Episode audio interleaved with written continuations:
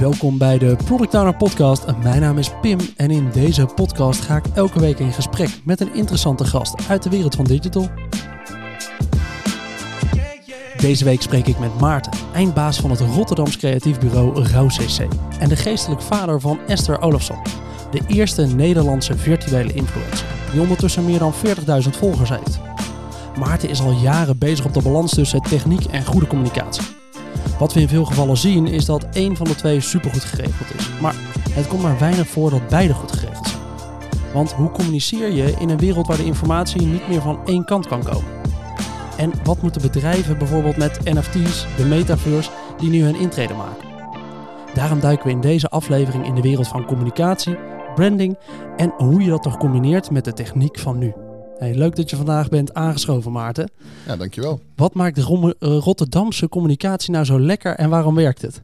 Nou ja, het makkelijkste is te zeggen niet lullen, maar poetsen. Maar uh, we lullen stiekem ook toch wel nog heel veel. Ja. Uh, maar het is vooral ja, aanpakken en mouwen opstropen en gaan. En in die andere stad, uh, dat is ook de laatste keer dat ik die vergelijking maak. Uh, uh, ja, hebben ze toch meer de neiging om vooral veel uurtjes op overleg te schrijven. En dat doen we ook wel, maar toch een tikje minder. Ja, precies. Al Amsterdammers left the chat. Ja.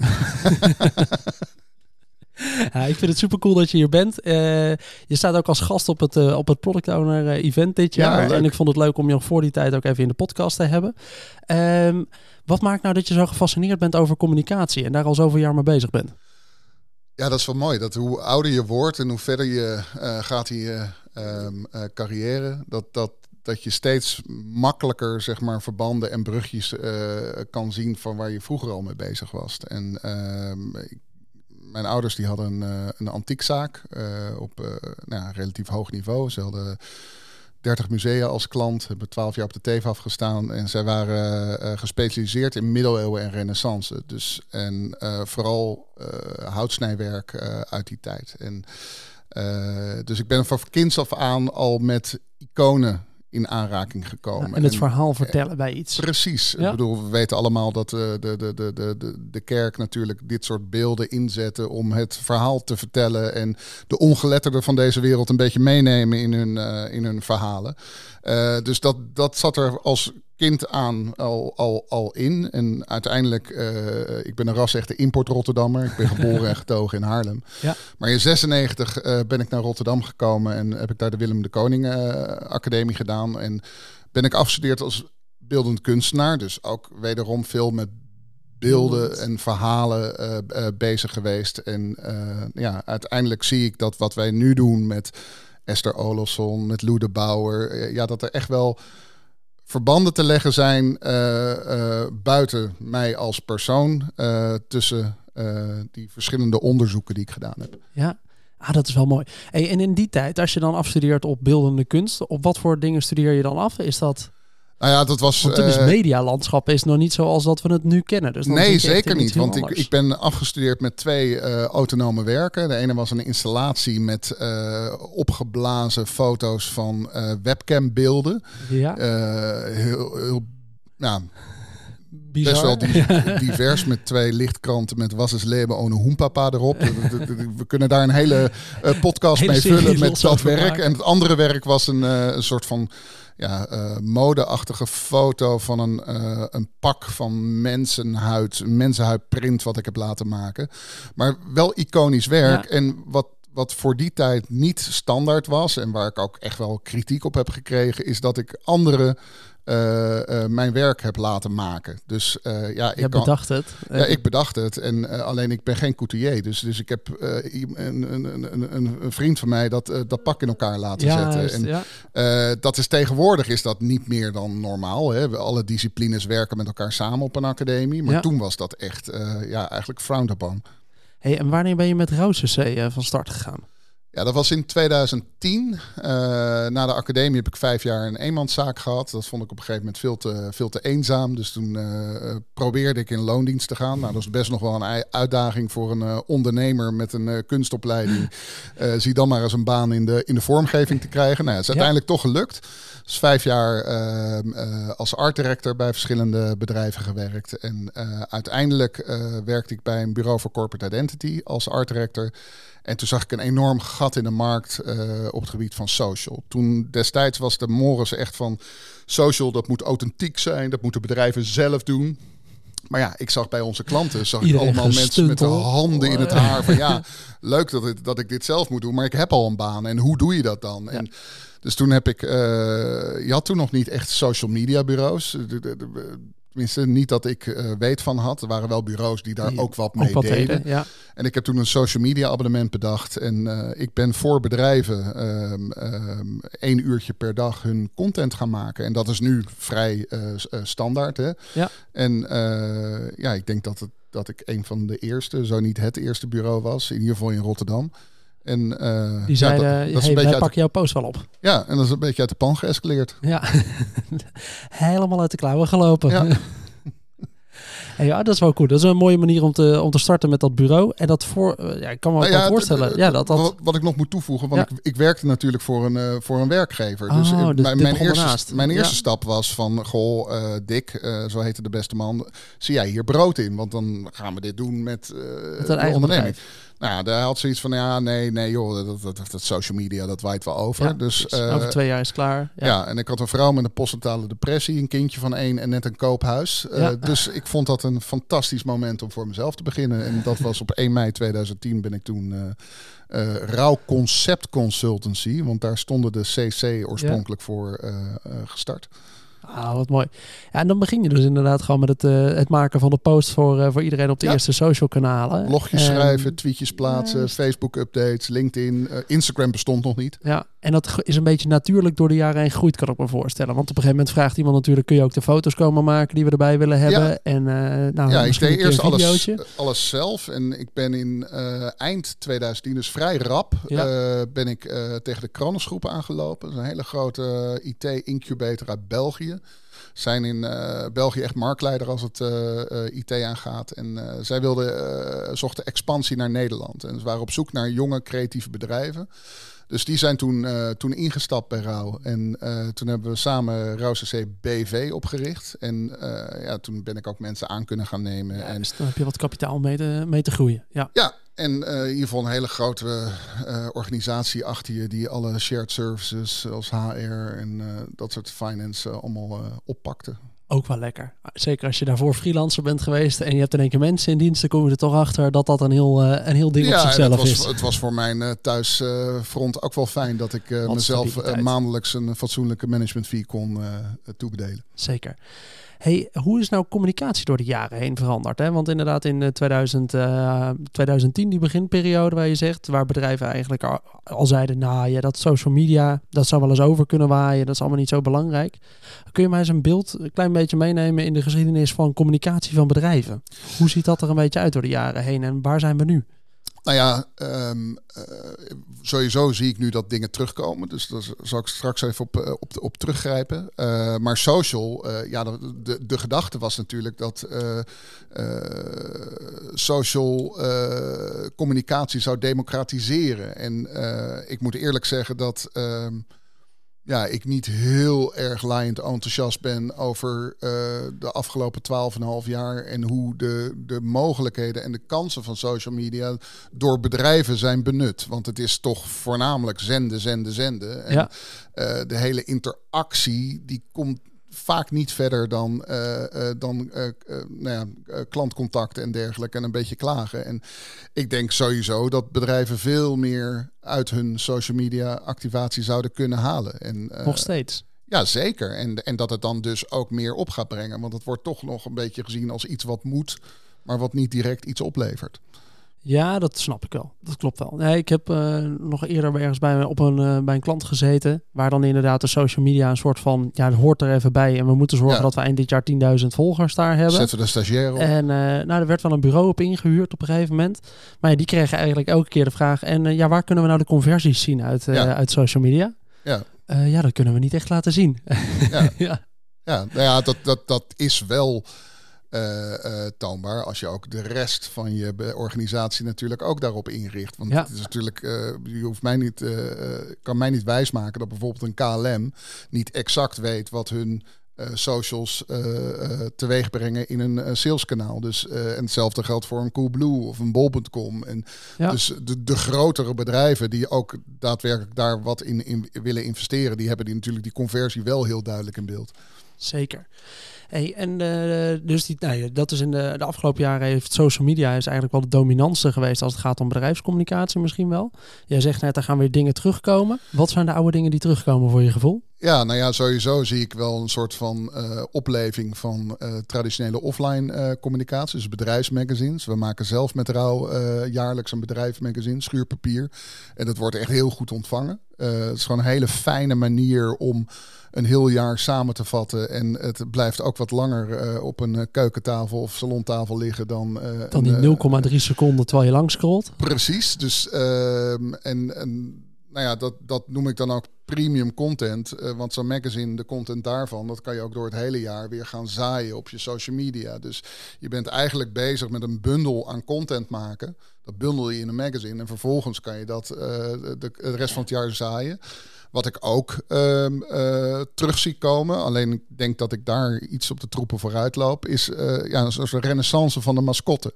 Ik zie dat, dus wij zien uh, dat bedrijven eigenlijk steeds minder bereik of um, engagement hebben op hun uh, social kanalen. Nou, dat is enerzijds wat ik net al zei van ja, uh, de content van de meeste bedrijven is ook gewoon niet goed of niet goed genoeg en ja. heel erg saai. Maar het wordt bedrijven ook niet makkelijk gemaakt. Want uh, de, de platformen zoals LinkedIn, die uh, in hun algoritme geven ze persoonlijke uh, profielen voorrang op bedrijfsprofielen. Dus ook al is je content fantastisch, dan nog leg je het af tegen, tegen persona's. Nou, hebben bedrijven daar natuurlijk iets uh, moois op bedacht. Dat is employee advocacy. Dus dat je je uh, medewerkers of je collega's uh, de content laat delen. Ja. Maar daar zitten natuurlijk ook risico's aan. Want, ja, maar ook, we hebben toch allemaal wel bedrijven gezien waarvan werd gezegd... nee, nu moet al het personeel even deze post gaan delen. En dan zag ja. je gewoon dat één post door 50 ja, mensen werd gedeeld en dan zag je gewoon nul bereik. Ja, dat is ook wel employee advocacy zoals het niet moet. Uh, daar zit gewoon niemand op te wachten. Nee. Plus dat natuurlijk medewerkers uh, en zeker nu, uh, ja, er is een groot personeelstekort. Dus mensen gaan vrij makkelijk naar een andere organisatie toe en nemen dan hun netwerk mee. En ja. ik zie dat daartussen en daar hebben wij natuurlijk ook het voorgesprek over gehad. technologie wordt steeds communicatiever, steeds persoonlijker. Het is bewezen dat een chatbot waar een karakter achter zit, zoals bijvoorbeeld Billy van bol.com, dat die beter werken dan een generieke chatbot uh, waar helemaal geen karakter of uh, wittiness in zit. Uh, we hebben voice applicaties. Moeten dus bedrijven letterlijk gaan nadenken, wat is de stem van mijn merk? Nou ja, wat is de, ja, ik vermoed dat jij nu de stem van product owner bent. Want je hebt, het is er een beetje ingeslopen. Mensen horen jou vaker dan Jochem. Maar ja. uh, uh, ook KLM, bedoel, wat is je stem? Ja. ja. I don't know. Is dat een man? Is dat een vrouw? We hadden, ja. Onlangs hadden ze natuurlijk in een commercial een hondje. Is het dan een hondje? Vroeger hadden ze een zwaan. Nou, ik hoop niet dat ze als een stem als een zwaan hebben, want dat is niet echt fijn geluid. Dus... De NS, die heeft een hele duidelijke stem. Ja, die nou, kennen we allemaal. Ja, op de stations. Ja, ja, doen ze overigens ook niks mee in hun communicatie verder. Maar je ziet dus dat die, die, die technologieën, die hebben behoefte aan uh, uh, personages. En uh, ik zie een verband met uh, in de jaren 50, 60 dat bedrijven uh, mascottes gingen ontwikkelen. Ik bedoel, familiebedrijven werden multinationals. Dus er was een behoefte. Je had nog geen social media. Dus de CEO's die konden niet overal aanwezig zijn. Maar je, je zag dus de, de uh, mascottes opkomen. En ik noem een uh, Flipje van Tiel, de, de, de, ja. de oudere uh, luisteraar die, die herkent. Regio waar ik vandaan kom, ja, om ja. het fruit te promoten in de regio van de Betuwe. Ja, die had zijn eigen servies, die had zijn stripboekenreeks. Dus dat was echt een branding in optima forma voor die uh, de, dat, dat conglomeraat aan fruittelers. Uh, je hebt natuurlijk uh, Ronald McDonald van McDonald's. Dat gaf het gezicht nu na alle films over clowns misschien niet de beste het, keuze. Het blije gezicht aan de hamburger. Uh, maar je hebt het Michelin-mannetje. En, ja. Uh, ja, dat zijn, dat zijn wel echt een paar grote iconen die nog steeds wel, ook vandaag de dag, nog wel een plekje hebben. Ja, alleen wel een beetje een stil plekje. Want uh, Ronald McDonald, die zie je niet, nou ja, om obvious reasons, niet terugkomen in de, in, in de communicatie. Overigens, Kentucky Fried Chicken, die heeft wel nieuw leven ingeblazen in Colonel Sanders. Die is een soort van als een jongere versie van zichzelf ah, tot leven gebracht op Instagram. Maar ik zie dus dat... Um, eigenlijk die, die, uh, die mascottes van vroeger nu langzaam tot leven gebracht worden als virtuele merkambassadeurs. En daar kan zowel de technologie als de communicatie kan daarvan uh, profiteren. Ja, precies. Ik denk dat we daar eventjes een klein beetje een beeld bij moeten scheppen voor de, voor de luisteraars. Want ik noemde het heel eventjes kort in het intro. Maar ja, ik denk dat dat niet, uh, niet voor iedereen evenveel zegt. Maarten is in de afgelopen jaren bezig geweest met Esther Olofsen. Ik kan er een introductie over geven, maar ik denk dat jij in het kort beter kan uitleggen wat dat nou is en waar jullie daarin mee bezig zijn. Want dat is een grappig stukje techniek waarbij je dit terug laat komen. Ja, uh, in 2019 kwam uh, Postillon Hotels bij ons. Uh, die wilden dat wij hun nieuwe hotel in Rotterdam gingen promoten. Overigens, waar ook het Product Owner event ah. gehouden wordt. Dus dat is een, een leuk bruggetje. Um, en wij hadden zoiets van, ja, we, we zijn niet per definitie gespecialiseerd in uh, hotels op de kaart zetten. Uh, en uh, ja, als je iets met een hotel doet, dan moet je ook iets met influencers. Want dat is natuurlijk de meeste impact Alleen we zijn geen influencerbureaus. Sterker nog, ik, ik vind influencers ook niet zo heel erg leuk.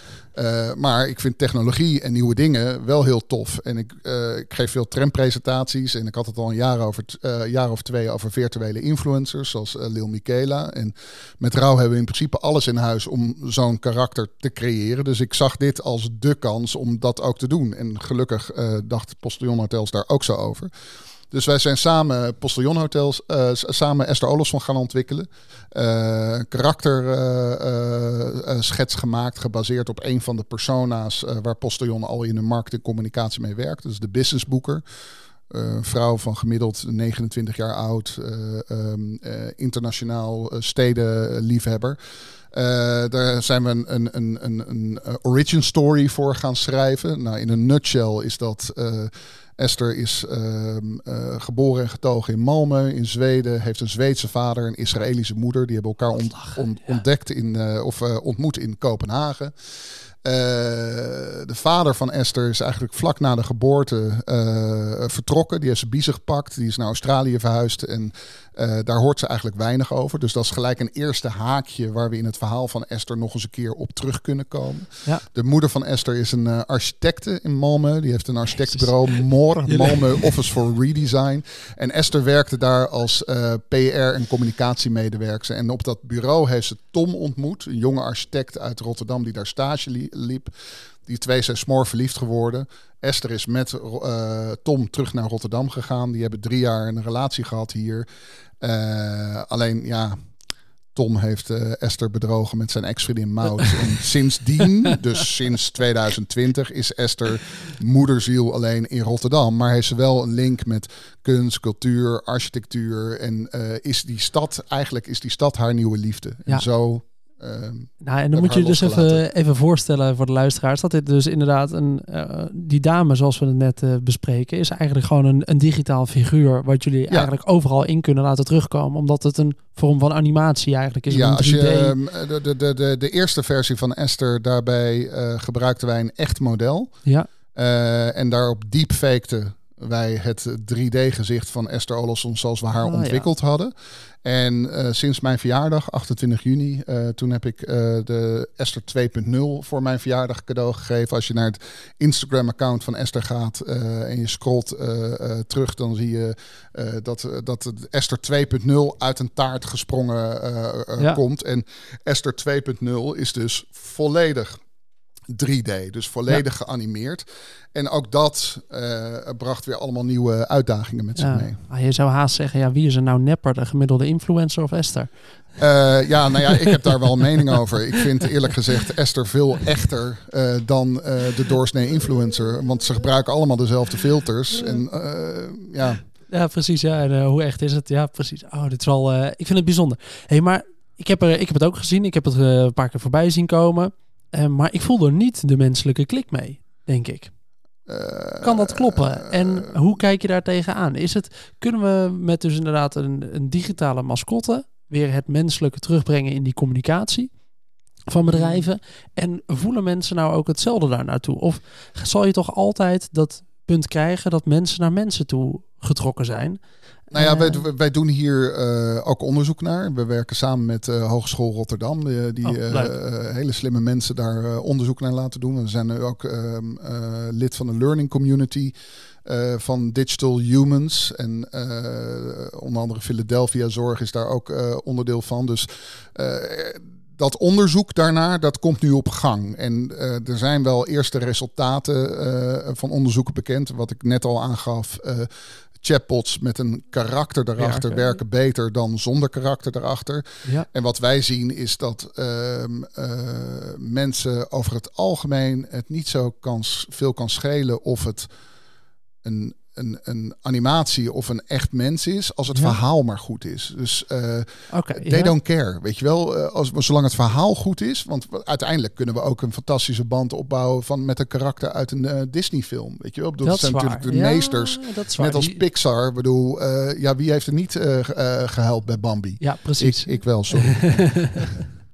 Ah nee, dat klopt. Ja, misschien moet je daar inderdaad wel even die stap. Dus inderdaad, als we, als we maar genoeg tijd zouden hebben ook om dat verhaal mee te krijgen. Ja, nou ja, en, en dat doen we natuurlijk met de ontwikkeling van dit soort karakters. Ehm, eh, eh, besteden we daar dus heel veel aandacht aan. Omdat je dan dus iets hebt waar je naar terug kan eh, grijpen. Zoals bijvoorbeeld die vader van Esther die naar Ja. Australië vertrokken is. Ah, wat grappig. Ik vind het mooi hoe jullie daarmee bezig zijn. Ik hou zelf heel erg van de nieuwe technieken en wat je daar nou mee kan doen. Ehm, als we nou eens eventjes teruggaan naar de, naar de basis hiervan. In de, in de huidige eh, bedrijfscommunicatie die je veel voorbij ziet komen. Wat gaat er nou vaak fout? En wat vergeten mensen nou vaak? Is dat inderdaad, inderdaad... Ik zie dat zelf ook veel hoor. Misschien heb ik er ook wel een mening over... waarbij je heel vaak bedrijven gewoon... zeker content op LinkedIn ziet plaatsen... die gewoon echt één richting is. Oh, we willen je graag deze sales folder laten zien. Nobody cares. Ja, Ja. nobody. En het mooie is natuurlijk tegenwoordig zie je gewoon hoeveel mensen daar interactie mee hebben. Ja, Ja. drie mensen hebben interactie met jouw sales folder waar je 30 uur van een marketingkantoor in hebt zitten om, eh, om het op te maken. Nou ja, en dan is het En, ook nog zo. eh, Dat zie ik zelf ook. Dat ik ook heel vaak dingen like of interessant vind op LinkedIn. Zonder dat ik ze helemaal gelezen heb. Omdat Ja. ik zoiets heb van ja, Ah, dat is wel leuk. leuk dat wel. ze dat doen. Ja, precies.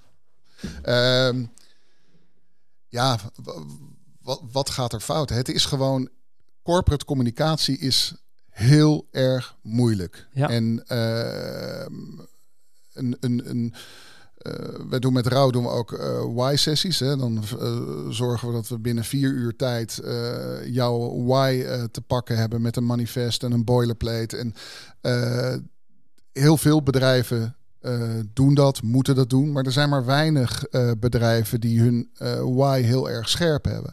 Als je die niet scherp hebt, dan is het ook heel erg moeilijk om een, een, een, een intrigerende, interessante social media activatie te doen. Want als je alleen maar vertelt op social wat je doet en niet waarom je dat doet of waar je medewerkers van aangaan, ja, dan, dan, dan, Is het gewoon een beetje saai. ja, precies dat. Ja. En, en, en ja, wij zien dus die, die virtuele karakter, karakters ook echt als een soort van. eh, Ik bedoel, we hebben de afgelopen jaren elke marketeer loopt te vertellen: we moeten wat met storytelling. En Ja. dan, eh, dan moet zo'n CEO moet verhalen vertellen over het begin van zijn, eh, van zijn bedrijf. En nou ja, de, de, de, meeste bedrijven hebben niet een hele interessante origin story. En ik, ik- wil het niet van tafel vegen, maar storytelling is wel echt een vak apart. Eh, en, en ik denk dat die virtuele karakters daarmee veel meer mogelijkheden geven. We zijn nu bezig met eh Dura Vermeer. Ja. Eh, die kwamen bij ons met een, eh, met een vraag van... goh, wij zijn bezig met digitale transformatie, met innovatie. En we vinden het heel lastig om onze, onze collega's daarin mee te nemen. En Dura Vermeer heeft natuurlijk collega's in alle lagen. Hè. Dat zijn de mensen die op de steiger staan, maar ook mensen achter een computer en, en in een kantoren. En Dura Vermeer is wel 20.000 man personeel, of niet? Nee, het- 3000. 3000, I- oké. I- I- Ja. iets, iets minder. Iets minder. Ja, ik, Eh, even voor dus mijn vol- volgens mij zoeken. 3000, Ja. maar ze zijn natuurlijk wel ehm, eh, overal allemaal eh, aanwezig. En het is gewoon een van de grotere bouwbedrijven Ja. van, eh, van Nederland. Eh, en wij doen veel in de bouw en, eh, en infra. En het is een hele innovatieve branche. Alleen, ja, het is ook een branche die daar niet per direct heel veel over vertelt. Dus, Nee. eh, en hoe doe je dat dan? En nou ja, we hebben hun ervan overtuigd van zou het niet tof zijn om een karakter te hebben die we ook echt een functie geven. Uh, projectmanager digitalisering. Uh, en die dus alles wat binnen Dura Vermeer met digitalisering te maken heeft, of dat aanraakt, in beeld brengt en daarbij betrokken wordt. En uh, Lou de Bouwer is als, als um, uh, intern communicatieproject gestart en is eigenlijk direct uh, omarmd. Dat is ook wel grappig. Hij is actief op Instagram en um, LinkedIn. Ik zeg hij, maar het is eigenlijk een, een dem, want hij is genderneutraal. Um, maar deze oude man vindt het nogal moeilijk om dan uh, exact daarin uh, te communiceren. Ja. Uh, Lou is ook natuurlijk zowel mannennaam als een vrouwennaam. Ja. en op LinkedIn is Lou echt super populair. Dus dat, dat gaat echt als een malle. En Lou kan dus ook reageren op als mensen over innovatie. ja, natuurlijk, ja. Ik denk dat Lou deze podcast ook gaat luisteren. Ja. En op Instagram ja, daar loopt het nog niet zo'n vaart. Maar nu hebben we wel net een, een uh, Instagram filter ontwikkeld. Zodat je dus ook met Lou op de foto en op de video kan. Dus dan denk gaat ik het al wat meer leven. Ja. Maar Lou biedt dus, uh, doordat hij niet echt is, uh, allemaal kansen die een mens van vlees en bloed niet uh, heeft. Dus Lou kan bijvoorbeeld tijdreizen. Lou was, uh, als je naar zijn Instagram gaat, zie je dat hij aanwezig was bij de aanleg van de ringweg in Haarlem. Nou, ja. toen was ik nog niet geboren. maar wat, wat je ook merkt is, Lou schrijft blogs. Schrijft geen blogs. Wij schrijven blogs en ja. mensen van Dura schrijven blogs. Maar het is alsof het Lou dat schrijft. En doordat Lou achter die blog zit, kan je ook ja, veel meer de randjes opzoeken. Kan je veel scherper schrijven zonder dat Lou bang hoeft te zijn dat hij zijn baan verliest of daarop aangekeken wordt. Hoe lang moeten jullie nog uh, zelf die teksten schrijven van Lou? Want ja, met de copy AI van, uh, van OpenAI, dat soort tools. Nou ja, we zijn nu, uh, we hebben onlangs... Hoef steeds minder zelf iets te schrijven. We hadden um, een paar weken geleden hadden we een groep van tien studenten op bezoek uit allemaal verschillende disciplines. En die gingen bij ons een dagje content voor Esther Olofsson maken. En toen hebben we geëxperimenteerd met Brainstorm AI. Dat is een nieuwe start-up ja. uit Nederland wat uh, tekstgeneratie doet. Vooralsnog Engelstalig, maar goed, voor Esther is dat prima. Ja, ja het is bizar hoe goed dat al werkt. En misschien dat het nog niet volledige teksten uh, uh, die, waar, waar geen mens meer naar hoeft te kijken genereert. Maar het geeft je in ieder geval heel veel inspiratie om een tekst te schrijven. Ja. met dezelfde, tijdens dezelfde sessie hebben we ook met AI beeldgeneratie geëxperimenteerd. Want het idee was zeg maar die studenten kregen les van Esther Olofsson en Esther nam hun mee in haar digitale wereld. Ja. Dus we hebben um, um, even kijken, Midjourney hebben we een beeld van haar virtuele wereld laten genereren.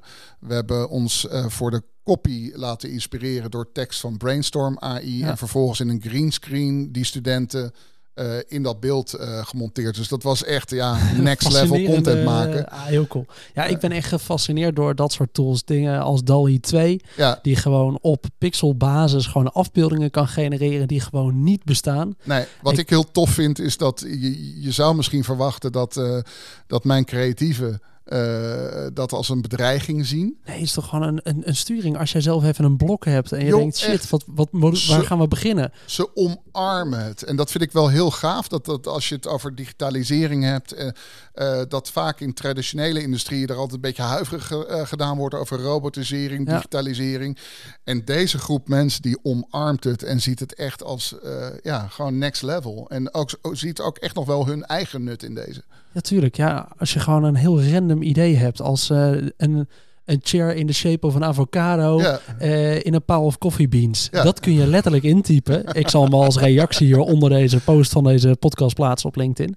Maar dan krijg je gewoon een volledige afbeelding die dat visualiseert. Ja. En alleen maar opgehaald omdat het systeem gewoon 200.000 afbeeldingen heeft gezien van avocado's, stoelen en koffiebonen kan het eigenlijk wel bedenken. Ah ja, als ik dan op pixelbasis als een wazig dingetje begin, kan ik elke keer een laagje van scherpte toevoegen. En heb ja, het is een enorme rabbit hole dat als je er eenmaal aan uh, snuffelt, dat je er heel diep in kan uh, uh, verdwijnen. Ja, het is ook wel weer, en zeker met tekstgeneraties en AI chatbots en AI beeldgeneratie, ja. moeten we natuurlijk ook opletten dat dit soort tools niet te veel bias zijn, uh, bevooroordeeld. En uh, daar doen we nu ook uh, met de Hogeschool Rotterdam onderzoek naar. Ja. Want we hebben allemaal vooroordelen. Uh, maar als zo'n AI uit een bepaalde hoek als een teksten uh, en, en, en, data haalt, ja, hoe zorg je er dan voor? dat het ehm, klopt met het beeld wat we zelf hebben. Ja. Hey, wanneer, je zegt net, oude dingen komen terug en dat geloof ik heel erg. Um, wanneer zijn we te ver gegaan? Want dat, dat, dat voel ik wel een beetje. Hè? Dus we gaan nu zover, we laten alles door computers genereren.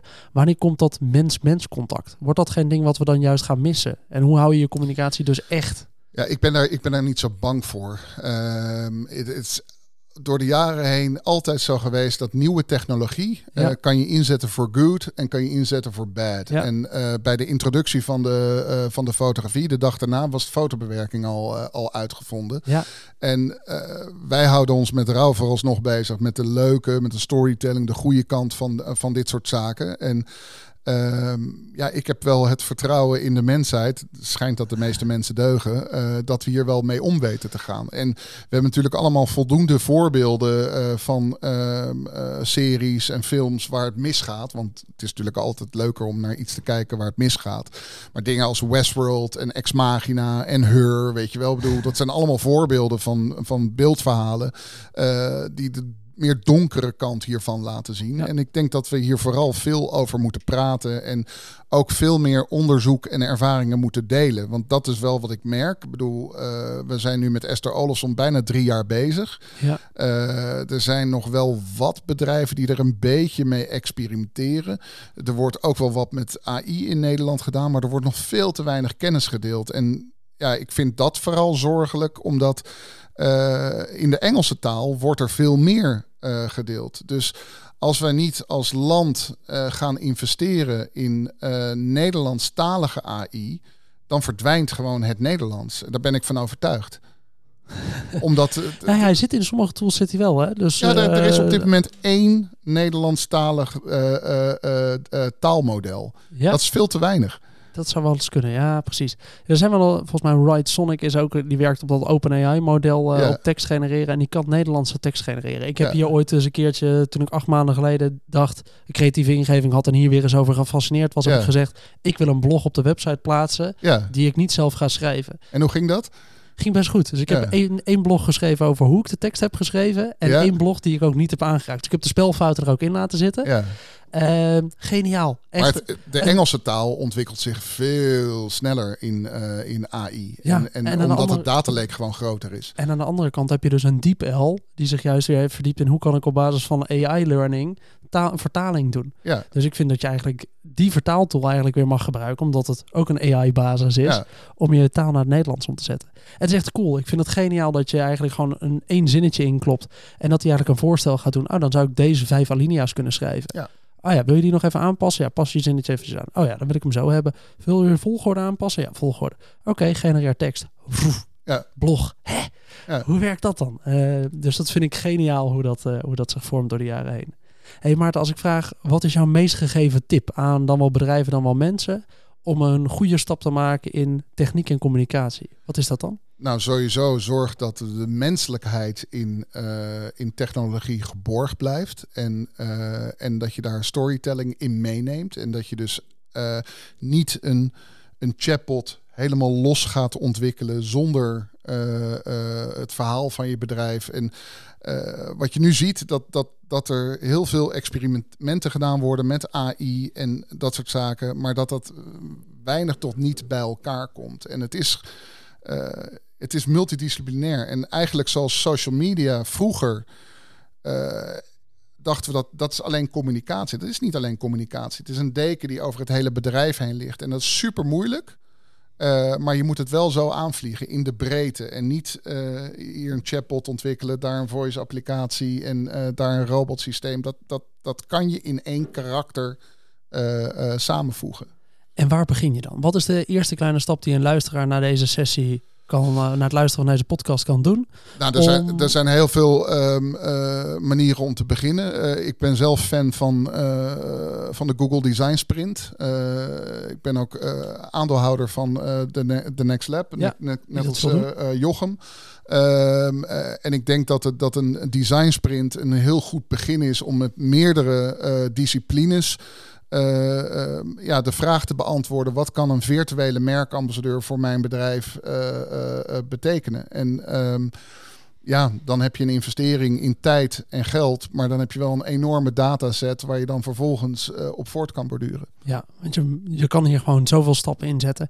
En we zien het inderdaad gewoon vaak, uh, vaak gebeuren dat een, dat een bedrijf, zeker nieuwe bedrijven, hele goede IT neerzetten, hele mooie techniek, maar ja, eigenlijk dat verhaal nooit goed weten te vertellen. Ja, en dat is jammer. Ja, ja zonde.